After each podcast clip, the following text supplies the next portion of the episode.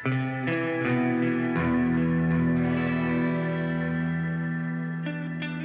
hadde en hemmelighet alle visste om da jeg vokste opp. Hvordan jeg hadde det hjemme. Jeg var et løvetannbarn. Vi som ikke vokste opp på grunn av, men på tross av. Mange av oss har gått inn i voksenlivet med dype, usynlige sår.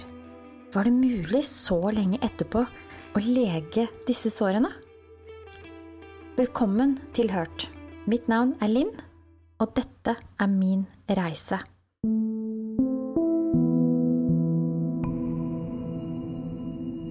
Kjære deg. Min reise starter på scratch. Jeg har eh, aldri gått til samtaleterapi før. Det nærmeste jeg har vært terapi, har vært eh, noen mislykka familieterapitimer da jeg var i begynnelsen av 20-åra, og kanskje ennå hadde tro på at det var mulig å reparere ganske så ødelagte familiebånd. Nå har fastlegen sendt meg til en psykiater. Det høres nesten enda skumlere ut, en lege med spesialisering i sjelslivets lidelser. Gudene vet hva de kunne finne på. Jeg sitter på venterommet til den privatpraktiserende psykiateren fastlegen har henvist meg til. Det eneste jeg veit om Olav, er at han før han blei pensjonist, så leda han det distriktspsykiatriske senteret i byen hvor vi bor. Nå tok han imot klienter noen få timer i uka i den gamle administrasjonsbygget til byens gamle papirfabrikk. Det var staselige lokaler med lysekrone i taket og utsikt til en spektakulær foss. Det blei bygd i en tid hvor alt her i byen gikk på skinner, og hvor folk reiste langveisfra for å få jobb her.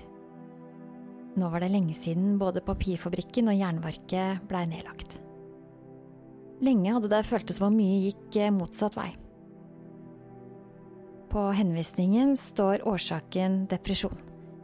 Og det slo meg at det kanskje ikke bare var meg som var deprimert, men kanskje byen sjøl. Eller så var det bare meg, da, som var utbrent og tenkte litt pessimistiske tanker. Det var vanskelig å si. Jeg hadde gått på reservetanken så lenge. Dessuten så var det å få tak i hva det var jeg faktisk følte, vanskelig. Tusen spørsmål gikk gjennom hodet mitt mens jeg satt og venta. Kom han til å gi meg medisiner? Kom han til å forstå hvor utslitt jeg var? Jeg ante ikke hva jeg kunne forvente da døra gikk opp og en høy, godt voksen mann ba meg stige inn. Olav starter med å fortelle litt om seg sjøl.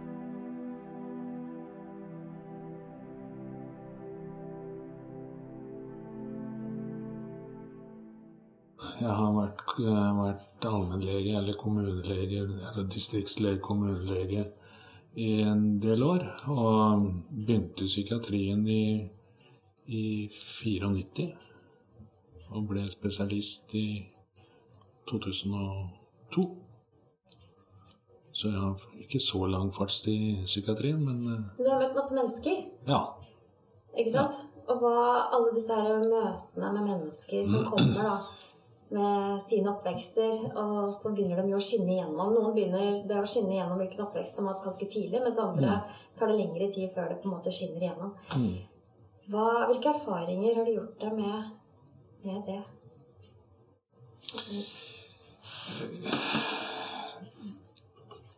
Ja, hva slags erfaring Altså, jeg tror det viktigste er å lytte, og så bruke tid. Altså, dette er ikke noe som er gjort på en, en, en time, to timer. Jeg tror dette er noe som en må bruke litt tid på. Og, og som du var inne på i stad, altså, det, det, er en jobb for deg å gjøre å, godta at det er sånn historien din er, tenker jeg. Så det, det er vel det jeg har lært meg, at å være tålmodig, egentlig. Mm. I hvert fall så lenge jeg forstår at dette er noe du vil, vil ha hjelp med. Mm. Og vil komme, altså, komme, til bunns i, finne ut av hva er det egentlig dette her handler om. Mm. Ja.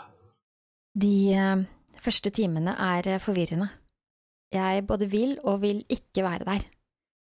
Jeg vil være der fordi Olav har et uh, mildt og snilt vesen. Han minner meg om både bestefaren, og onkelen min, Han er en eh, god og trygg base. I hemmelighet så lengter jeg til og med etter en klem. På den andre sida så vil jeg ikke være der fordi jeg, kanskje helt ubevisst, er redd for hva det er han kanskje skal se. Jeg er redd for hva han kanskje skal spørre om. På en av de første timene tar han en personlighetstest. Har jeg noen gang skadet et dyr med vilje? Tent på noe? Det er tusen rare spørsmål. Jeg skjønner at han leter etter avvik i personlighetstrekkene mine, etter unormaliteter, urimeligheter. Pulsen øker. Ord som narsissistisk personlighetsforstyrrelse, borderline eller antisosiale lidelser flagrer forbi meg. Hadde jeg noe av det her?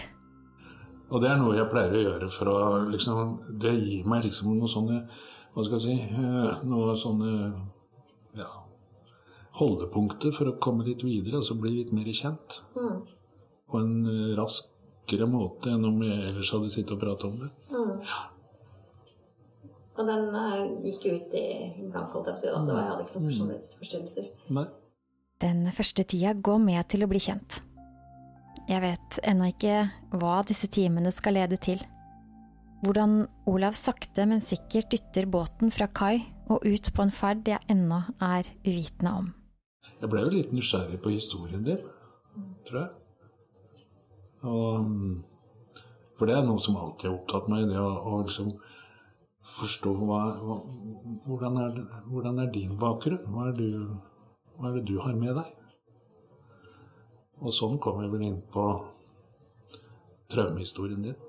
Tenkte du ut ifra det at jeg ikke hadde noen sånne følelser knytta til det? Jeg bare gjenfortalte det, ikke sant? Eh, og det er visstnok ganske vanlig, har jeg skjønt, at man ikke har følelser knytta til den traumehistorien. Eh, Det ga meg noen sånne assosiasjoner til den tida jeg jobba på psykiatrisk avdeling her på sykehuset.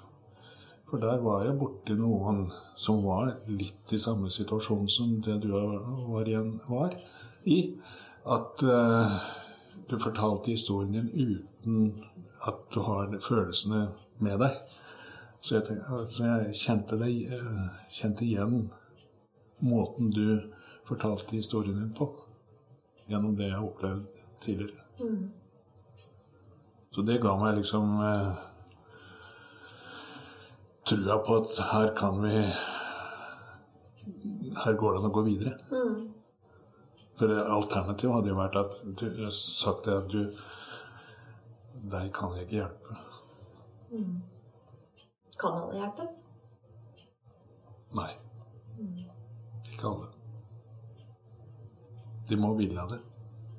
Og det er, du, det er du som har dratt lasset. Men hvis man vil det? Ja, da har jeg tro på at det går an. Er det mange som syns det er lettest å ikke snakke om det og ikke forholde seg til det, sånn som det jeg gjorde i veldig mange år? Og så dør man sånn?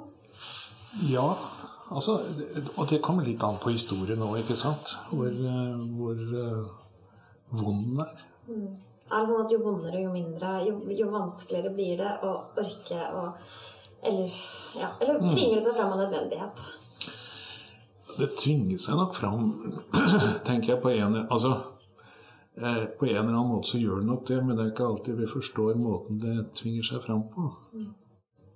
Noen ender opp i en russituasjon, ikke sant. Det kan òg være en måte å løse, løse den psykiske smerten på. Eh, Du valgte jo heldigvis den metoden å prøve å fortrenge, da. Så klarte du å åpne opp og komme videre. Så det Det er den mest Hva skal jeg si Eller den beste måten å gjøre det på, tenker jeg da. For det kunne jo fort ha endt opp i en, russituasjon. Ja, det er mange som ender opp ja. der. Så jeg tror det gjorde nok ikke det for meg, fordi eh, jeg har så negative assosiasjoner til rus. Ja, jeg er ikke sant? for rus. Ikke jo, sant? Jo. Sånn at det å bare kjenne lukt av sprit gjør meg helt eh, Ja. Trigger meg. Men sant? tenker jeg tenker ikke nødvendigvis alkoholrus, men, men tabletter. Ja. Mm. Du kan jo fort ha endt opp med med smertestillende, f.eks., for, eksempel, for å dempe den fysiske smerten. Mm. Så løper jeg fra det istedenfor, da. Så løper du, eller sykler du fra det isteden? det gir meg iallfall en god sånn bieffekt, da. Ja, ikke sant. Jeg blir ja. eh, mm. greit trent av det. Mm. Hva tenker du etter så mange år eh, hvor du har jobba med mennesker som har det vondt på ulike måter? da? Gjøres det nok i samfunnet i dag med det perspektivet du har, for å hjelpe folk som eh, har det, har det vondt? Altså hvis en, Med utgangspunkt i historien din og det har jeg vel stilt spørsmål ved flere ganger tror jeg, når vi har snakka om, om, det. At hvorfor var det ingen som så? Hvorfor var det ingen som forsto hvordan du hadde det? Mm. Og der gjøres det for lite, tenker jeg. Jo, ikke, ikke, tørre å se, og ikke, ikke, tørre å bry seg når en ser at det er noen som, som eh, hva skal jeg si, gjennomgår det du gjennomgikk. Mm. Tror du det gjøres fremdeles i dag? Ja. ja, det tror jeg. Hvorfor er det så vanskelig da, å ville se det? Og ville høre de her historiene? Ja Det å tørre å bry seg, det er jo Det er liksom Alle skal være sin egen lykkesmed, på en måte. Det samfunnet er ikke så varmt og inkluderende som en skulle tro, eller skulle ønske. Mm. Vi har liksom nok med oss sjøl. Mm.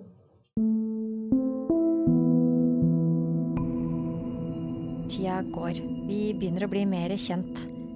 Olav leder meg vennlig tilbake til oppveksten hver gang jeg prøver å unnslippe. I starten så skjønner jeg ikke helt hvorfor. Jeg blir faktisk irritert det har vel ingenting med hvorfor eh, jeg i dag føler at jeg kommer til kort. Kan han ikke bare gjøre det sånn at jeg får tilbake energien min, pågangsmotet til å hive meg ut på enda et vikariat? Eller gjøre sånn at jeg får sove om nettene?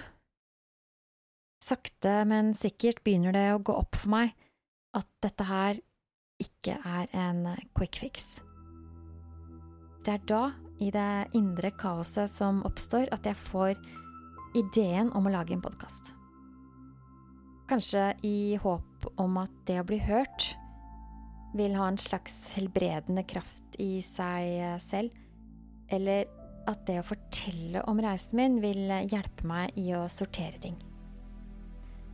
Men også fordi jeg vet at det er mange der ute som heller ikke har blitt hørt, og som bærer på det samme dype, innvendige sårene som jeg. Målet er at jeg i løpet av denne behandlings- og oppdagelsesreisen får møtt noen av dere, og også høre deres historier, deres erfaringer som løvetannbarn. Jeg forteller Olav om eh, podkasten. Hva, hva, har du som eh, Hva kaller det? Den heter Hørt. Hørt. Mm. Fordi veldig mange av oss har ikke blitt hørt. Heller ikke for oss den. Så det er litt det der også faktisk bli hørt, ja. som er ganske viktig. Så det, det navnet på den podkasten kommer litt sånn av seg sjøl. Mm. Så Det er noe Altså, det er litt Altså, ja. Det er noe med å tørre å bli hørt av. Olav tar meg på kornet. At noen skal høre meg, gjør meg faktisk livredd. Hva hvis alle hater det jeg lager? Pulsen går opp bare ved tanken. Jeg tåler ikke kritikk særlig godt. Stemmen jeg fikk eh, prenta inni meg da jeg vokste opp, skriker til meg. Mine damer og herrer, ta ikke for godt imot Dick. Dick er en eh, forkortelse for Den indre kritiker. Og ja, engelsk slang for en fyr som oppfører seg som en drittsekk. Ganske passende, egentlig. Dick, han eh, er ikke noe hyggelig type. Du kjenner han kanskje, du òg? Stemmen som forteller deg at du ikke får noe til, at du ikke er noe verdt. Stemmen som prenter inn i deg at alt ved deg er feil, bare det at du eksisterer, er eh, galt. Dick hvisker meg i øret at ingenting går veien for meg. Så hvorfor prøve? Kjære deg som ikke har Dick med deg fra barndommen. Dette her, det er ikke noe vanlig kritisk stemme som kommer med konstruktive innvendinger, den som alle kan kjenne på innimellom. Den indre kritiker, den er så mye giftigere og farligere enn det. Når man eh, vokser opp med å ikke bli likt av de som er ment å passe på deg og elske deg, ja, til og med kanskje forakta og hata for hvem man er fra man er liten, så starter man å tro at det som skjer, er din feil. Det er noe med meg som gjør pappa så sint. Når han hyler, skriker og kjefter på meg, så er det han sier, sant. Når han slår meg så hardt at jeg besvimer, så er det fordi det er umulig å være glad i meg. Når eh, mamma ikke engang vil se på meg eller reagere, så er det fordi jeg bare plager henne når jeg gråter. Jeg er ikke som andre barn som blir elska og trøsta, fordi jeg fortjener det ikke. Jeg er dum og stygg, og det er ingenting ved meg som er bra.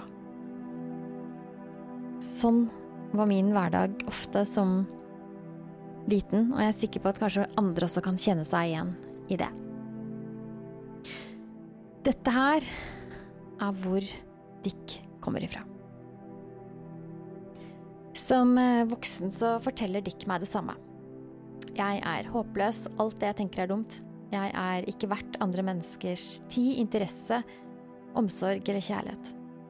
Med årene så har det som en gang begynte som en ytre stemme i mitt hjem, blitt til en eh, indre fiendtlig stemme som ennå snakker til meg som jeg var et uønska barn.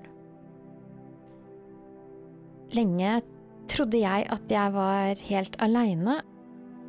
Det var eh, helt til jeg kom over en amerikansk terapeut og forfatter som vokste opp slik som meg.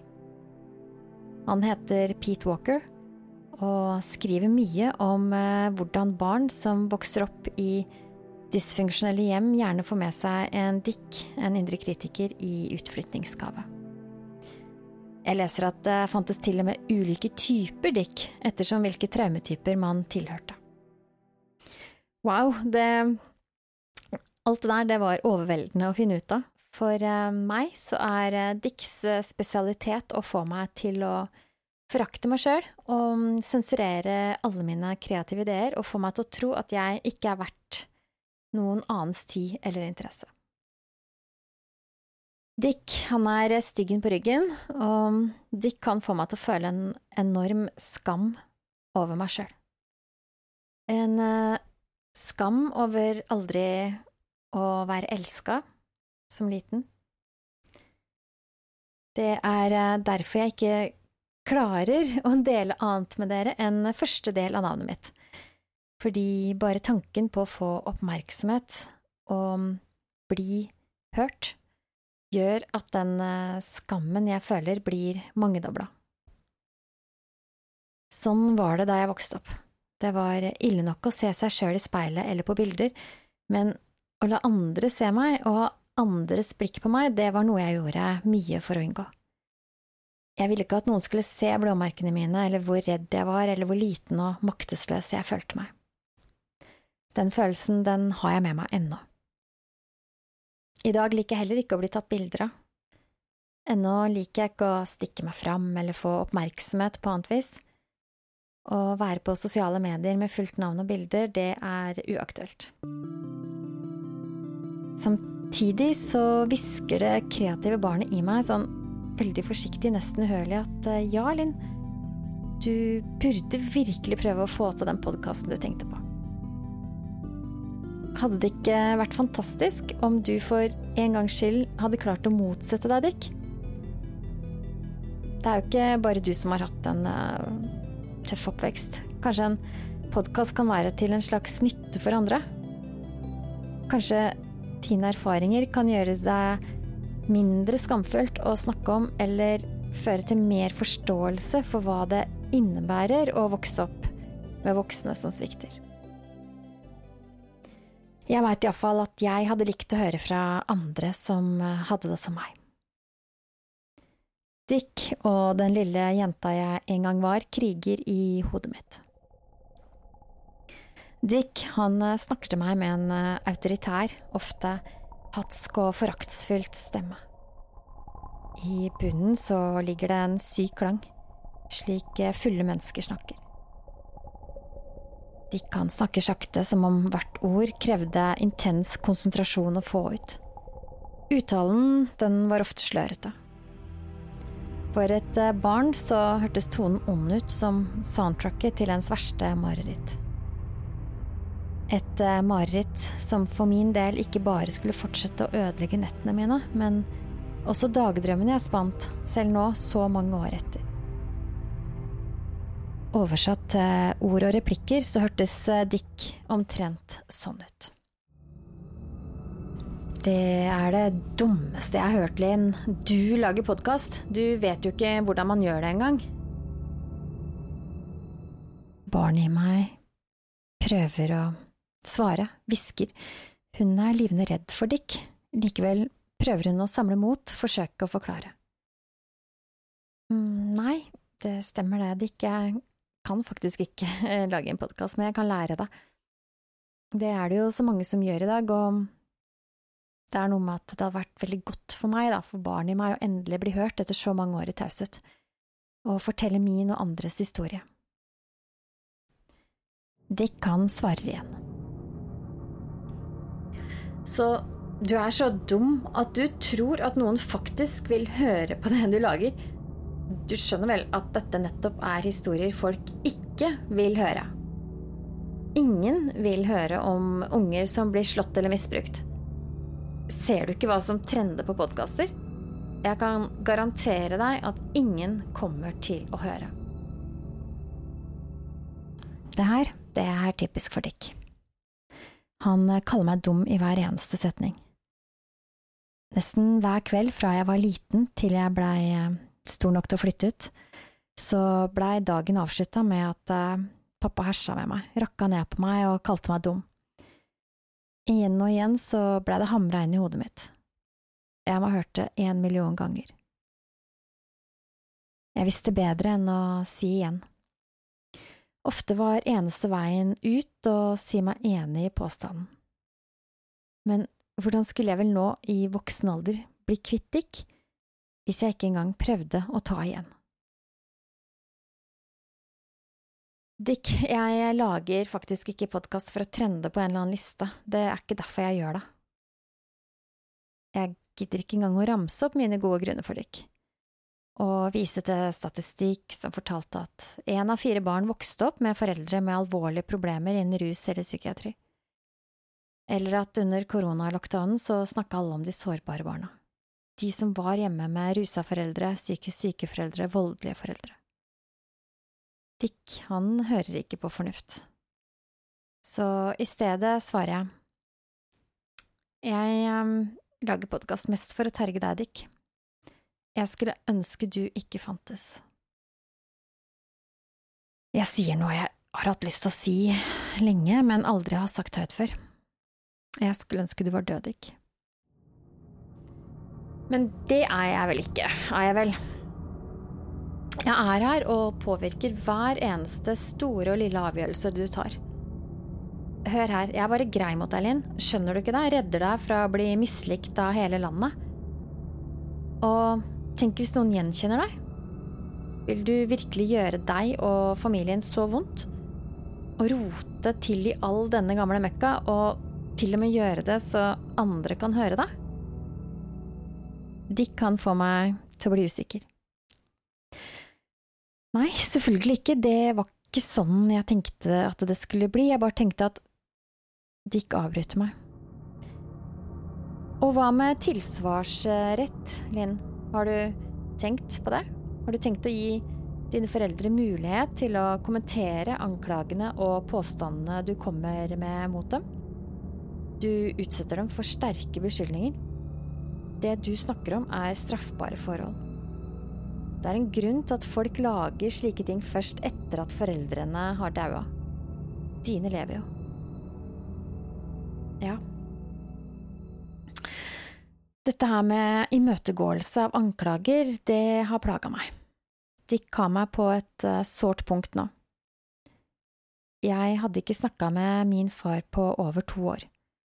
Skulle jeg ringe han nå og be om hans uh, versjon? Jeg svarer Dick. Jeg uh, sier at det er jo derfor jeg har anonymisert dem og meg sjøl. Ingen vil kjenne dem igjen. Dessuten så vet jeg jo hva det ville sagt hvis jeg begynte å snakke om fortida. Hva da? spør Dick. La meg høre deg si det.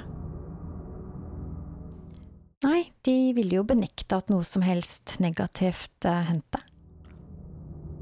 Mm, så der ser du. Det du forteller er kun din versjon av sannheten.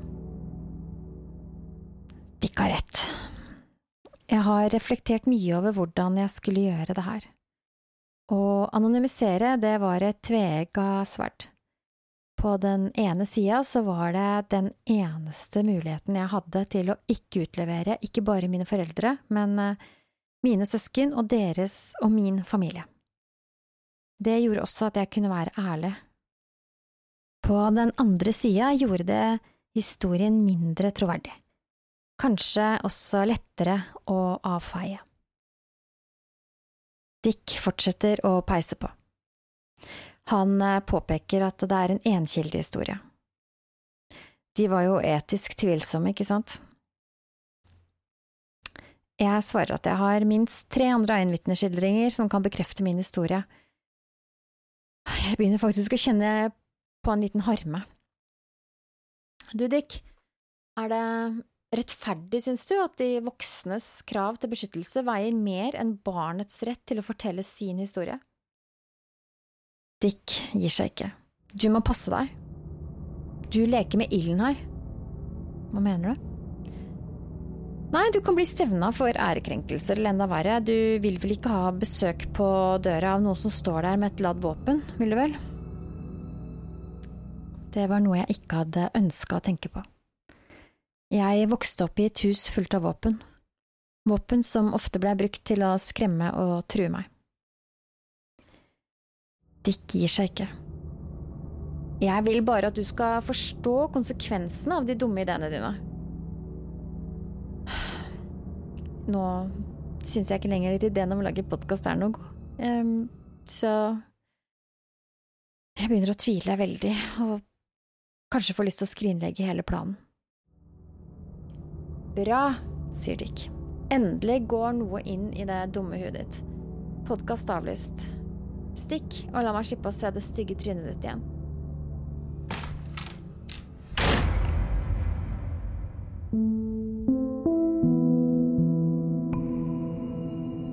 Bli med til neste episode av Hørt, hvor jeg undersøker om skadene fra en tøff oppvekst faktisk kan gjøres noe med. Jeg får en spennende invitasjon i posten fra et sted som spesialiserer seg i akkurat sånne ting.